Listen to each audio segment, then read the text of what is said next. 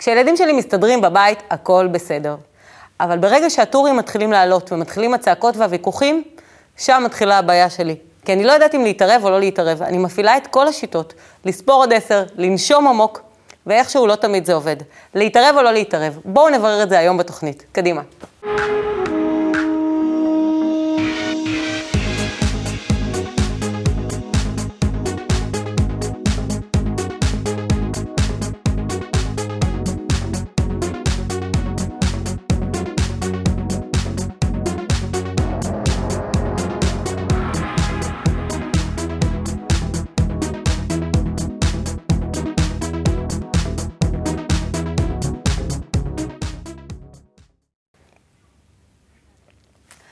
איתנו היום באולפן שלומית אבני, מדריכה אישית ומאמנת הורים, גלעד שדמון, ראש תחום חינוך בבית קבלה לעם. נציג את הפורום שלנו. צופים יקרים, יש לנו פורום חינוך, פורום שאתם יכולים להיכנס, לשאול שאלות, להגיד כל בעיה שיש לכם שאתם רוצים שתעלה בתוכנית. כרגע אנחנו נציג אה, שאלות מהפורום, מיני רבות, שאנחנו לא נעלה עליהן ברגע זה, אבל אנחנו נקבל את כל התשובות בפורום. שרית מחולון דואגת לשני ילדיה שרבים כל הזמן. כל מה שניסיתי לא עזר. התעלמתי, כעסתי, הענשתי, ועדיין הם רבים. מה לעשות? זוג הורים מאזור המרכז מתקשה להתמודד עם בתם בת השמונה. היא לא עוזבת את אחיה בן השבע בשקט. היא מרביצה לו, דוחפת אותו ושואלת את ההורים, למה ילדתם אותו?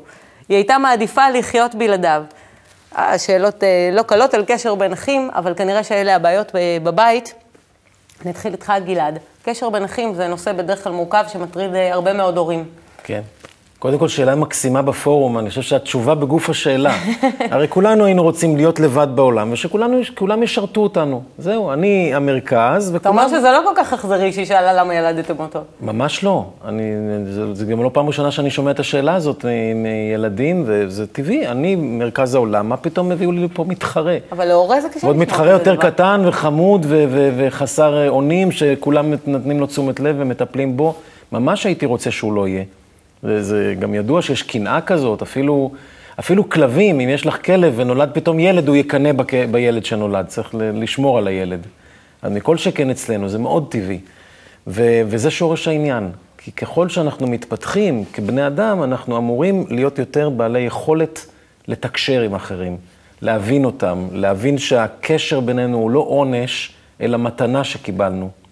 ואם הילדים היו מבינים שאח בבית זה מתנה, זאת, זאת הזדמנות נהדרת לחלוק, זאת הזדמנות נהדרת לשתף, זאת הזדמנות נהדרת להכיר מערכות יחסים ולהתנסות בהם לקראת היציאה אל החיים החוצה. לא להתייחס לזה כאל טראומה שנולד לו אח. לא, תראי, את, מה שתגידי לו זה לא יעזור. וכאן אולי במהלך התוכנית נדון על זה, איך, איך, איך באמת להפוך את המילים... איך ליצור ביניהם קשר. להפוך את מה שאנחנו אומרים עכשיו כמילים באופן פרקטי ל, ליכולת באמת לאהוב את האח ול, ולשמוח מקיומו. אמ, אני באמת ככה מקשיבה לך, אני אומרת, אה, הזווית הראייה של הילד שהביאו לו איזה מין כזה דבר מתחרה, כמו שאמרת, היא באמת, אין לחלוק עליה, זה הזווית שלו, וככה הוא רואה, ואולי באמת, אה, ככה הצגת, אמרת, הקושי הזה, מה שהתחלת בהתחלה ואמרת, המקום הזה שאת לא יודעת אפילו מה לעשות, איזה חוסר אונים של ההורה, אז אולי נסתכל... יש רצון גם שהם תמיד יסתדרו ביחד.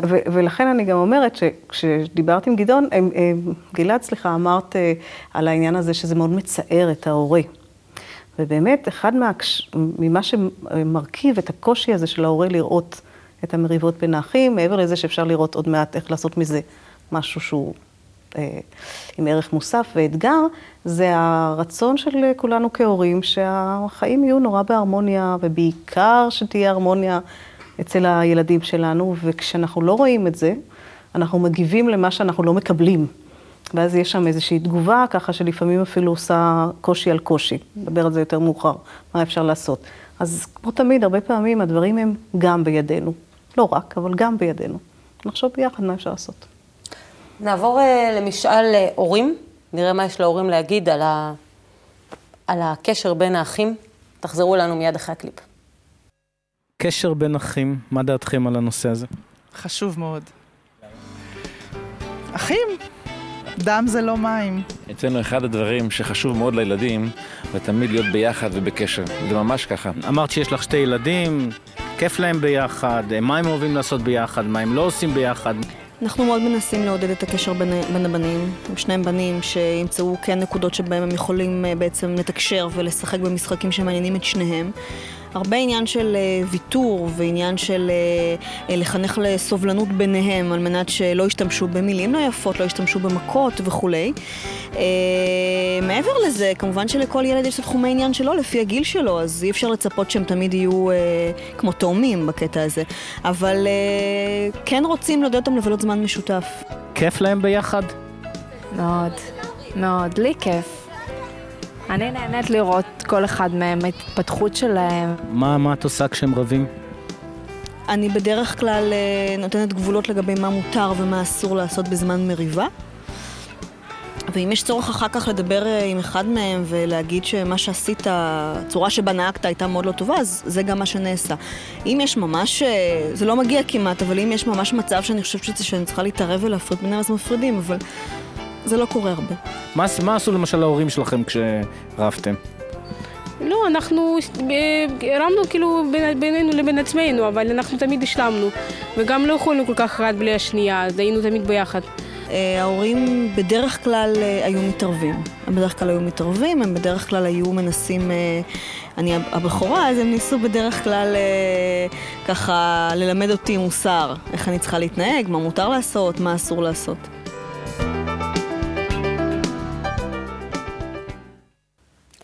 אז ראינו את ההורים מהרחוב, מה יש להם להגיד על אחים? מה את אומרת? קודם כל, מה שיש להם להגיד זה במה הם נתקלים באמת באופן אישי בתוך המשפחה שלהם. אה, ובאמת, אולי אה, ככה המחשבה שאם היה לי רק ילד אחד, הייתי יכולה לתת לו את הכל, הרבה פעמים גם זה, בעיני הילד, יכול להיות שהוא יגיד משהו אחר. אני רוצה בזאת עוד להדגיש את ההזדמנות שיש כשיש אחים משניים ומעלה, כלומר שיש לך עם מי לעשות את הקשר, אה, באמת לראות את זה שההורה, אה, אם הוא יוכל לראות את הדבר הזה כמתנה שהוא נותן, כהזדמנות, מלכתחילה לא יהיה שם מעורבים, מה שבדרך כלל מעורבים זה רגשות האשם, איך עשיתי לו את זה שהבאתי עוד ילד, ואולי הוא באמת נורא נורא מסכן. כן, אבל את מדברת איתי בעצם על גילאים מאוד קטנים. אני מדברת כבר שיש אה, גילאים, אה, גיל, גיל ההתבגרות, גילאי בית ספר, והם אה, מחפשים מקומות לתחרות, okay, לדברים הרבה יותר קשים שקורים ביניהם. העניין הזה של מחפשים מקום לתחרות, אני אעזוב רגע את התחרות, מחפשים מקום. נשים נקודה, אחרי מחפשים מקום. אני חושבת שאין איזה גיל. למחפשים מקום. אני חושבת שאם ההורה ישכיל לראות את זה ככזה, ויאפשר בתוך הסירה האחת הזאת, תמיד הרבה פעמים כששואלים אותי איך להתייחס, אני אומרת, תתייחסו כאילו כולם באותה סירה, ועדיין יש לכל אחד את הצבע הייחודי שלו. אבל בסירה הזאת ביחד, ההורה, השדר שלו צריך להיות שאני מצפה ממך שאתה תמצא את הדרך לעשות את הביחד הזה, מכיוון שזה מצב נתון. הידיעה ההורית גם יכולה להיות שזה באמת משהו שחשוב מאוד גם לילד לתרגל והנה הזדמנות נהדרת לתרגל את העולם של בחוץ במקום בטוח, בבית. ליצור מין מיני חברה ממש כזאת. ממש מיני חברה, זה דרך אגב מה שאנחנו עושים במשפחה, וילד גם תופס את זה ככה. המשפחה זה המיקרוקוסמוס הראשון, ששם... ואחרי זה יכול לעבוד עם זה הלאה. יכול לעבוד ולעשות עוד דברים. אני מאוד מסכים עם מה ששלומית אומרת, והייתי לוקח את זה עוד מילה אחורה. פשוט מחפשים, אפילו לא מחפשים מקום. הם מחפשים תשובה לשאלה איך אפשר להיות מאושרים בעולם הזה, כאשר לא אני קיים בלבד, אלא קיימים עוד מסביבי, עוד כמוני, שרוצים גם דברים משלהם. ובאופן טבעי, כאשר אנחנו הולכים על, ה, על האגו של האדם, אני רוצה שכולם ישרתו אותי ויעשו לי, וזה המוטיב שאיתו אנחנו נולדים. זה שיש לידי עוד אחד כזה, וגם הוא רוצה, זה עניין שלו. עכשיו אנחנו נתחרה ונראה מי יצליח יותר. זאת אומרת, שיושב להם בתת מודע, משהו כזה שהם צריכים אה, לבדוק את הקשר שלהם מול האחר? לא סתם לבדוק, אלא אה, אה, בהתחלה זה רק אני קיים, אחר כך קיים עוד מישהו, אז אני רוצה לנצל אותו ושישרת אותי.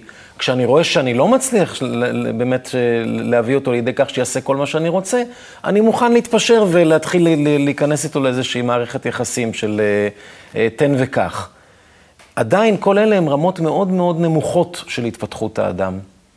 אם ההורים היו משכילים ליצור מערכת כזאת שבה כל אחד מסוגל להבין את הצד השני, ומסוגל להבין שהקשר הזה הוא לא עונש, אלא הוא אתגר, הוא מתנה, הוא הזדמנות לחוות משהו שאי אפשר לחוות אותו לבד, והיו בעצמם מתייחסים כך למערכת הזאת שנקראת משפחה, אז גם הילדים היו מבינים את זה. זאת אומרת, צריך להנחיל תפיסה לילדים. נכון. למה? כי ההורה מצידו, כשהוא בא, יש לו שני ילדים, זה כאילו הם שני חלקים שבו, מבחינתו. אז כששני ילדים רבים, הוא במצוקה. הוא במצוקה. איך יכול להיות ששני חלקים שבי רבים? הרי אני אוהב את הילדים, אולי לא באותה מידה, למרות שהורים אומרים את זה, אבל אני אוהב את זה ואוהב את זה, שניהם חלקים ממני. איך אני יכול אה, להשלים עם זה שהם רבים? ואז זה מגיע ללחץ, הלחץ בא לידי ביטוי בצעקות וביציאה מהאיזון, והילדים מסתכלים על ההורה ולא מבינים מה הוא רוצה. הצטרפה אלינו מישהי שיש לה שישה חלקים, אה, יפה ינאי, והיא מנהלת מחלקת אשראי במקצועה, יש לה שישה ילדים, שישה חלקים. אה, איך מתבטאת אצלך הבעיה בבית? אני לא רואה את זה כבעיה שילדים רבים. אני נהנית שהם רבים. כי זו אינטראקציה נוספת בתוך הבית. זה אומנם נשמע לא נורמלי, אבל אני נהנית ממריבות. עד שהן אה, חורגות את גבול הטעם הטוב, ומשתדלים שהן לא יחרגו. שזה מה קשור לאלימות? כן, משתדלים לא להגיע לזה, אבל אני באמת נהנית שהם רבים, כי יוצאים דברים שהם שמורים בתוך הבטן, שאחר כך בעוד 20 שנה הם יצטרכו להתמודד עם זה. אז עדיף שזה יצא עכשיו, וזה יצא במריבה קטנה, או צעקות או טריקת דלת, מאשר אה, להרגיש אם זה לא בנוח או משהו ואיפה כזה. ואיפה הקושי שלך? הקושי שלי הוא איך לתת אה, אהבה לכל ילד לפי הצרכים שלו. כי יש ילד שהוא אה, צריך את החיבוק, ויש ילד שהוא צריך את התפיחה. ואיך להסביר להם את זה למעשה, ש... שלכל אחד את נותנת ש... משהו אחר. כן, שלכל אחד אה, נותנים משהו אחר, ו- וזה בסדר. ושלא תיווצר קנאה, כן? כן, כן. Mm-hmm. אני חושבת שגם הבקשה של ההורה, או הציפייה שלפעמים היא לא ריאלית, שלא תהיה קנאה, אה, דוחפת אותנו לעשות כל מיני דברים שלעיתים מקשים בתוך המערכת. אני רוצה לבדוק אפילו יחד איתך, בעצם את אומרת, גם מאיזה מקום החשיבות הזאת היא. כי אני שומעת שיש חשיבות מאוד גדולה עבורך, שכל אחד ידע שהאהבה יש אה, אלייך, אה, ממך לכולם, mm-hmm. נכון? והיא פשוט באה לידי ביטוי במקום אחר. בצורה אחרת. אוקיי, כי קנאה, אם מישהו יקנא או לא, אני לא חושבת שזאת באפשרות שליטה שלנו. נכון? זאת אומרת, אנחנו לא יכולים לדעת אם מישהו בסוף, בסוף הדרך שמה שאנחנו נעשה יקנא או לא. ואולי כדאי לשים את הזרקור על מה אני כאימא יכולה לעשות. כדי שלמעט את האפשרות של החוויה הזאת אצל השני, ואני חושבת שבזה שאת באמת עושה שם איזושהי הקשבה, אני שומעת מאוד ייחודית לכל אחד. את אומרת, כל אחד, אני מקשיבה, היה קודם את החנוך לנער לפי דרכו. זאת אומרת, גם הדרך שבה הביטוי של האהבה שלי יהיה, הוא שונה. זה לא עושה שום דבר בהבדל שאני אוהבת, אבל זה עושה הבדל. יכול להיות שאותו... איך הם מהצד שלהם יכולים לתפוס את ההבדל הזה? אנחנו לא יודעים איך הוא, הוא, יתפוס, איך הוא יתפוס את זה מהצד שלו, אנחנו יכולים להיות בטוחים שיש לו זווית ראייה משלו, ואם חשוב לנו לדעת, הייתי שואלת אותו.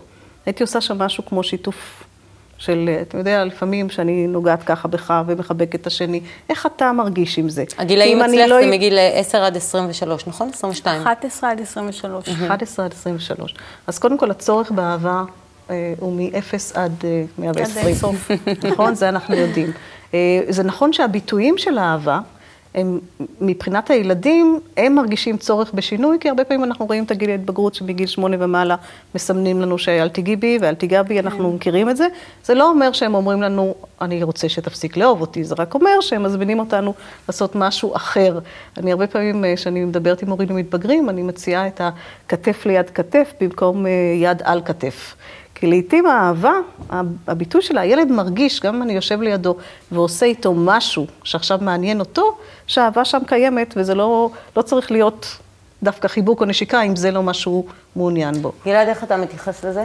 קודם כל מפתיע אותי, שבאמת, אני שומע שיפה ואני מאמין לה, היא נראית אה, באמת, אה, ש, שאומרת את, ה, את הדברים מהלב, שהיא נהנית מזה שהילדים רבים, זה, זה, זה כבר רמה ששווה להגיע אליה.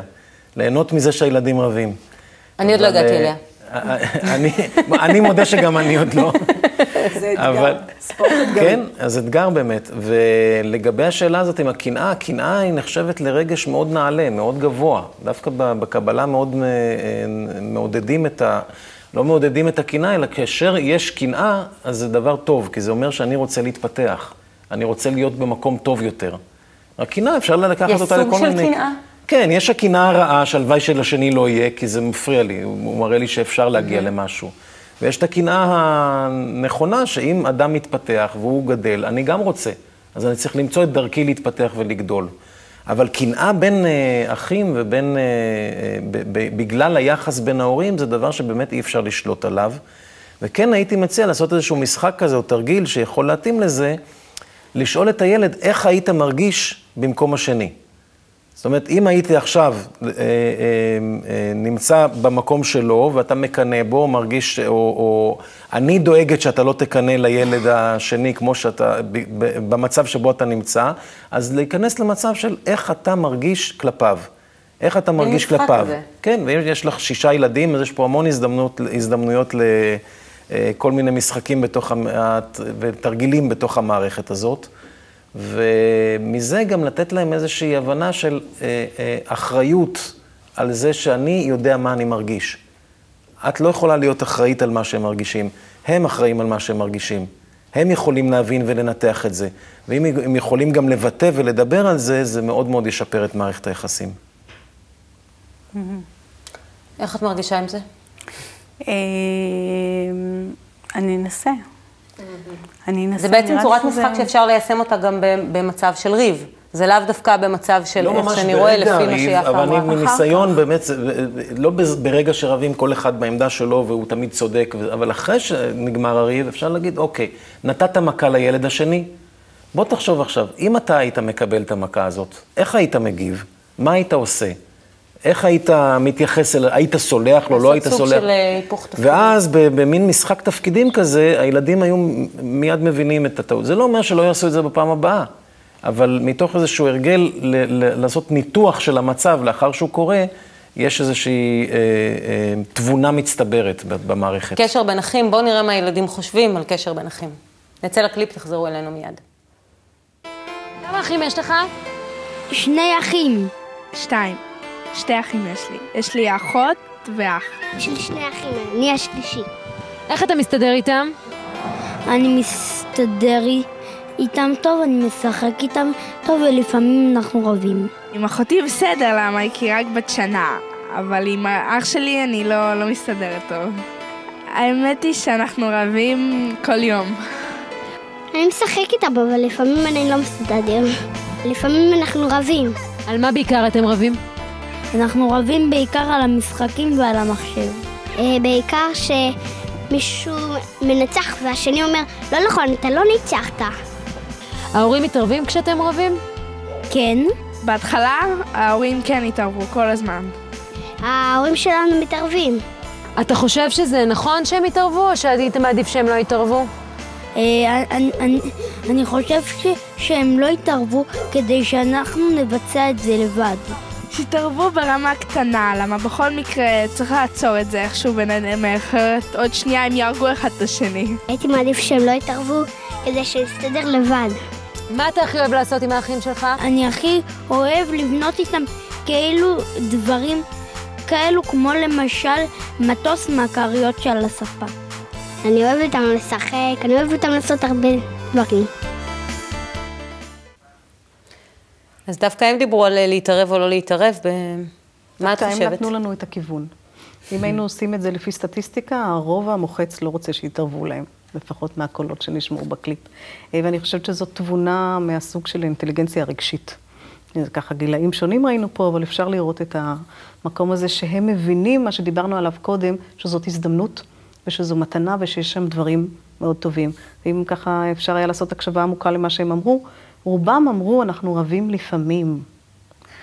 וקצת אם אני אקח דימוי של הפנס, פעם השתמשתי בו כבר בתוכנית אחרת, של בוא נשים רגע את הפנס על הלפעמים הם לא רבים. ויש שם הרבה להראות, גם שאנחנו יכולים להציג להם ולעודד, וגם שהם יראו איזה דברים טובים יש בתוך היחסים האלה. יש שקט כשהם מסתדרים. יש שקט, אבל יש גם עניין. הילד מספר על עניין, כיף לו, זו הנאה, יש שם למידה, יש שם כל מיני דברים זה מכניס, במקומות. זה מכניס סוג של צד שלישי בעצם כשהורה מתערב, לא? זה צד שופט זה, יותר. זה חשוב מאוד מה שאמרת, מכיוון שהורה מתערב, בדרך כלל הוא מתערב כדי להפסיק את הסצנה, שהוא לא היה עד להתחלתה ולאמצעיתה, הוא בדרך כלל בא בסופה הצורם שהקולות כבר מזמינים אותו לרוץ לחדר. ואז באמת מגיע שם איזשהו צד שופט. אה, שגם אם דיברנו על רגשות קודם, שיכול להיות שאותם ילדים יתקוממו מאוד, כי, כי השופט מחליט מזווית הראייה שלו. אומרים שלילדים אין פוליטיקלי קורקט, בעצם הם משלימים בעצם מאוד מהר. מה אתה חושב על התערבות? אני חושב שקודם כל הכל מתחיל מדוגמה אישית. ברגע שההורה נלחץ ונכנס לאיזושהי תגובה אגרסיבית, מכל, ש... מכל סוג שהוא, כתוצאה ממריבה של ילדים, הם... או לפעמים מצדיק אחד את הש... צד אחד. או מצדיק, ואז השני נעלב וכן הלאה, אז, אז אה, ההורה בעצמו הופך להיות לחלק מהמשחק, והוא כבר לא יכול להיות באיזשהו קונטרול על המערכת. אני חושב שההורה צריך להכין את עצמו למצבים האלה. הדברים לא קורים, זה, זה לא סתם ככה קורה. בכל משפחה רבים. וזה באופן טבעי, הסברנו שיש אגו לכל אחד, וכל אחד רוצה לשלוט על השני וכן הלאה. ואם ההורה נשאר, לא מסוגל להתעלות מעל הרמה הזאת, אז הוא רק מדגיש ומדגים לילדים עד כמה כדאי לריב. כי בעצם אין פתרון, גם אני לא מסוגל למשהו אחר. אם הוא היה מכין את עצמו, כמו שחקן שמכין את עצמו לתיאטרון, נאמר, מכין את עצמו להצגה. אז לפני שהוא נכנס להצגה, הוא מכין ומתאמן מול המראה כמה וכמה פעמים, ואז ההורה יכול לשבת מול המראה ולשאול את עצמו, לא בזמן המריבה, אלא לפני כן, מה אני אעשה אם עכשיו הילדים שלי צועקים, רבים ומרביצים אחד לשני? לראות את עצמו איך הוא מתנהג, ולבוא עם אותה התנהגות ממש כמשחק. להכין את עצמו. ממש כמשחק, לבוא אל, אל הסיטואציה ולהיכנס לדמות שהוא הכין את עצמו אליה. אז, אחרי שהוא עושה את זה, לספר לילדים על זה, וללמד גם אותם להיות מסוגלים להתבונן על עצמם מהצד, על המשחק. יש בכל אחד מאיתנו את האני הזה, שרוצה להילחם ולא להיוותר ו- ולזכות בניצחון, כמו שהילד הסביר מאוד יפה, של מי, מי אני, אני ניצחתי, לא אני ניצחתי. ומצד שני, יש גם בתוך כל אחד מאיתנו את המתבונן הזה, את היכולת להסתכל על התהליך ולראות, הנה, אני עכשיו בתוך הרצון שלי לנצח. אם הילד היה מסוגל לקחת את, ה, את היכולת הזאת להתבונן בזמן המריבה, המריבה הייתה נראית אחרת לגמרי. אז ללמד אותו, ללמד אותו לעשות את זה. ללמד את עצמנו, לעשות את זה, ואחר כך להסביר לו מה עשינו וללמד אותו לעשות את זה גם. זה הזמן לצאת לטיפים, אז בואו נשמע את הטיפ האחרון רגע לפני שאנחנו מסיימים. אוקיי, okay, אז אני אוסיף לאותו uh, הורה שעושה חזרות ונהיה שחקן uh, הבימה המדופלם, אולי גם עוד לפני זה או אחרי זה, או בצד הדברים, לשתף את הילדים ולהגיד להם, בפעם הבאה שאתם תריבו, אני רוצה לתת פה מילת מפתח חשובה, אני סומך עליכם, שאתם תגמרו את העניינים בטוב, ואני בוחר לא להתערב. זאת אומרת, לתת להם מראש, להגיד להם שזה מה שיהיה מבחינתו, ולתת שם את הבמה ולבדוק, וקצת אמון לא יעזור, לא יזיק לאף אחד. ועוד שאלה קטנה. ולעמוד במילה שלו. ולעמוד במילה שלו. ושאלה קטנה על אלימות, מה קורה כשזה מגיע לאלימות? באלימות אני חושבת שאין לנו שם דיבורים, צריכים להיות מעשים, צריך להיות חד משמעי, מה שאנחנו לא נאפשר. לי יש uh, טיפ משלי. אני משתמשת תמיד בחוק של הבית. אני אומרת, יש חוק בבית הזה, אין אלימות, נקודה. ואז זה יוצר אותי במקום כזה שאני לא מתערבת. נכון, ואני חושבת שאת אומרת, נכון, בעניין הזה, שזה לא את התעצבנת, אלא שיש פה חוק, יש איזשהו רציונל מאחורי זה, וכולם שווים בפני החוק במובן הזה. ומה עושים עם תרמתי גם. מה עושים עם עוברי החוק? מה עושים? אה, אני ממשיכה את ה... מעבריינים. עבריינים, מה עושים מעבריינים? אני במיני חברה עוד שלי, עוד לא עברתי הלאה. יש פה, יש, זה מורכב, יש הרבה שאלות. האם אלימות מילולית היא לא אלימות? אם מישהו מקלל, פוגע במישהו, אז שם, זה עוד לא, רק כשאתה נוגע בו ומרביץ לו. יש פה איזה ש... עם חוק אני מסכים, אני מסכים על הגישה של חוק, אבל מערכת של חוקים. בסטטיסטיקה שלי זה עובד. צריך להבהיר לכולם אם זה ברור מה זה אלימות. מה שם, כן, אוקיי? שכולם ידעו מה זה תחת החוק הזה. כמובן. כן, כי יש אחד שחזק יותר בלשון שלו. שהכוח שווה ביניהם, כמובן. גורם לשני להתפרץ עם הגוף שלו, וזה... זה... והטיפ שלך. הטיפ שלי הוא שבאמת להשתדל עד כמה שאפשר ליישם את זה על עצמנו. אנחנו כולנו במשפחה שווים, מהבחינה הזו שכולנו, המתנה הזאת שבין האחים, ניישם אותה גם על עצמנו. גם הילדים שלנו ניתנו לנו כמתנה, כהזדמנות ליצור וללמוד מהי מערכת יחסים נכונה. איך להגיע למרות הדעות והרצונות השונים, באמת לאהבה בינינו. ואם אנחנו ניקח את זה כאתגר, כהורים, נעביר את האתגר הזה גם לילדים, זה לא מבטיח שהם לא יריבו. אולי נלמד לקחת את זה באמת בשלווה ויפה ו- ולקבל את זה מכיוון אחר. אבל לפחות ניקח את המריבות האלה למקום אחר, למקום של לימוד על מערכת יחסים נכונה וניסיון, לפחות מבחינתנו, להגיע ל... אה, מצב שבו אנחנו מסוגלים להתבונן על הרצונות הקטנים שלנו שרבים בתוכנו, ולהיות שם. החיים כמתנה. תודה רבה גלעד, תודה רבה ליפה, תודה רבה לשלומית. לא לשכוח את הפורום שלנו, אנחנו מחכים ומצפים לשאלות, לכל תגובה. תודה רבה ולהתראות, תהיו איתנו בתוכנית הבאה.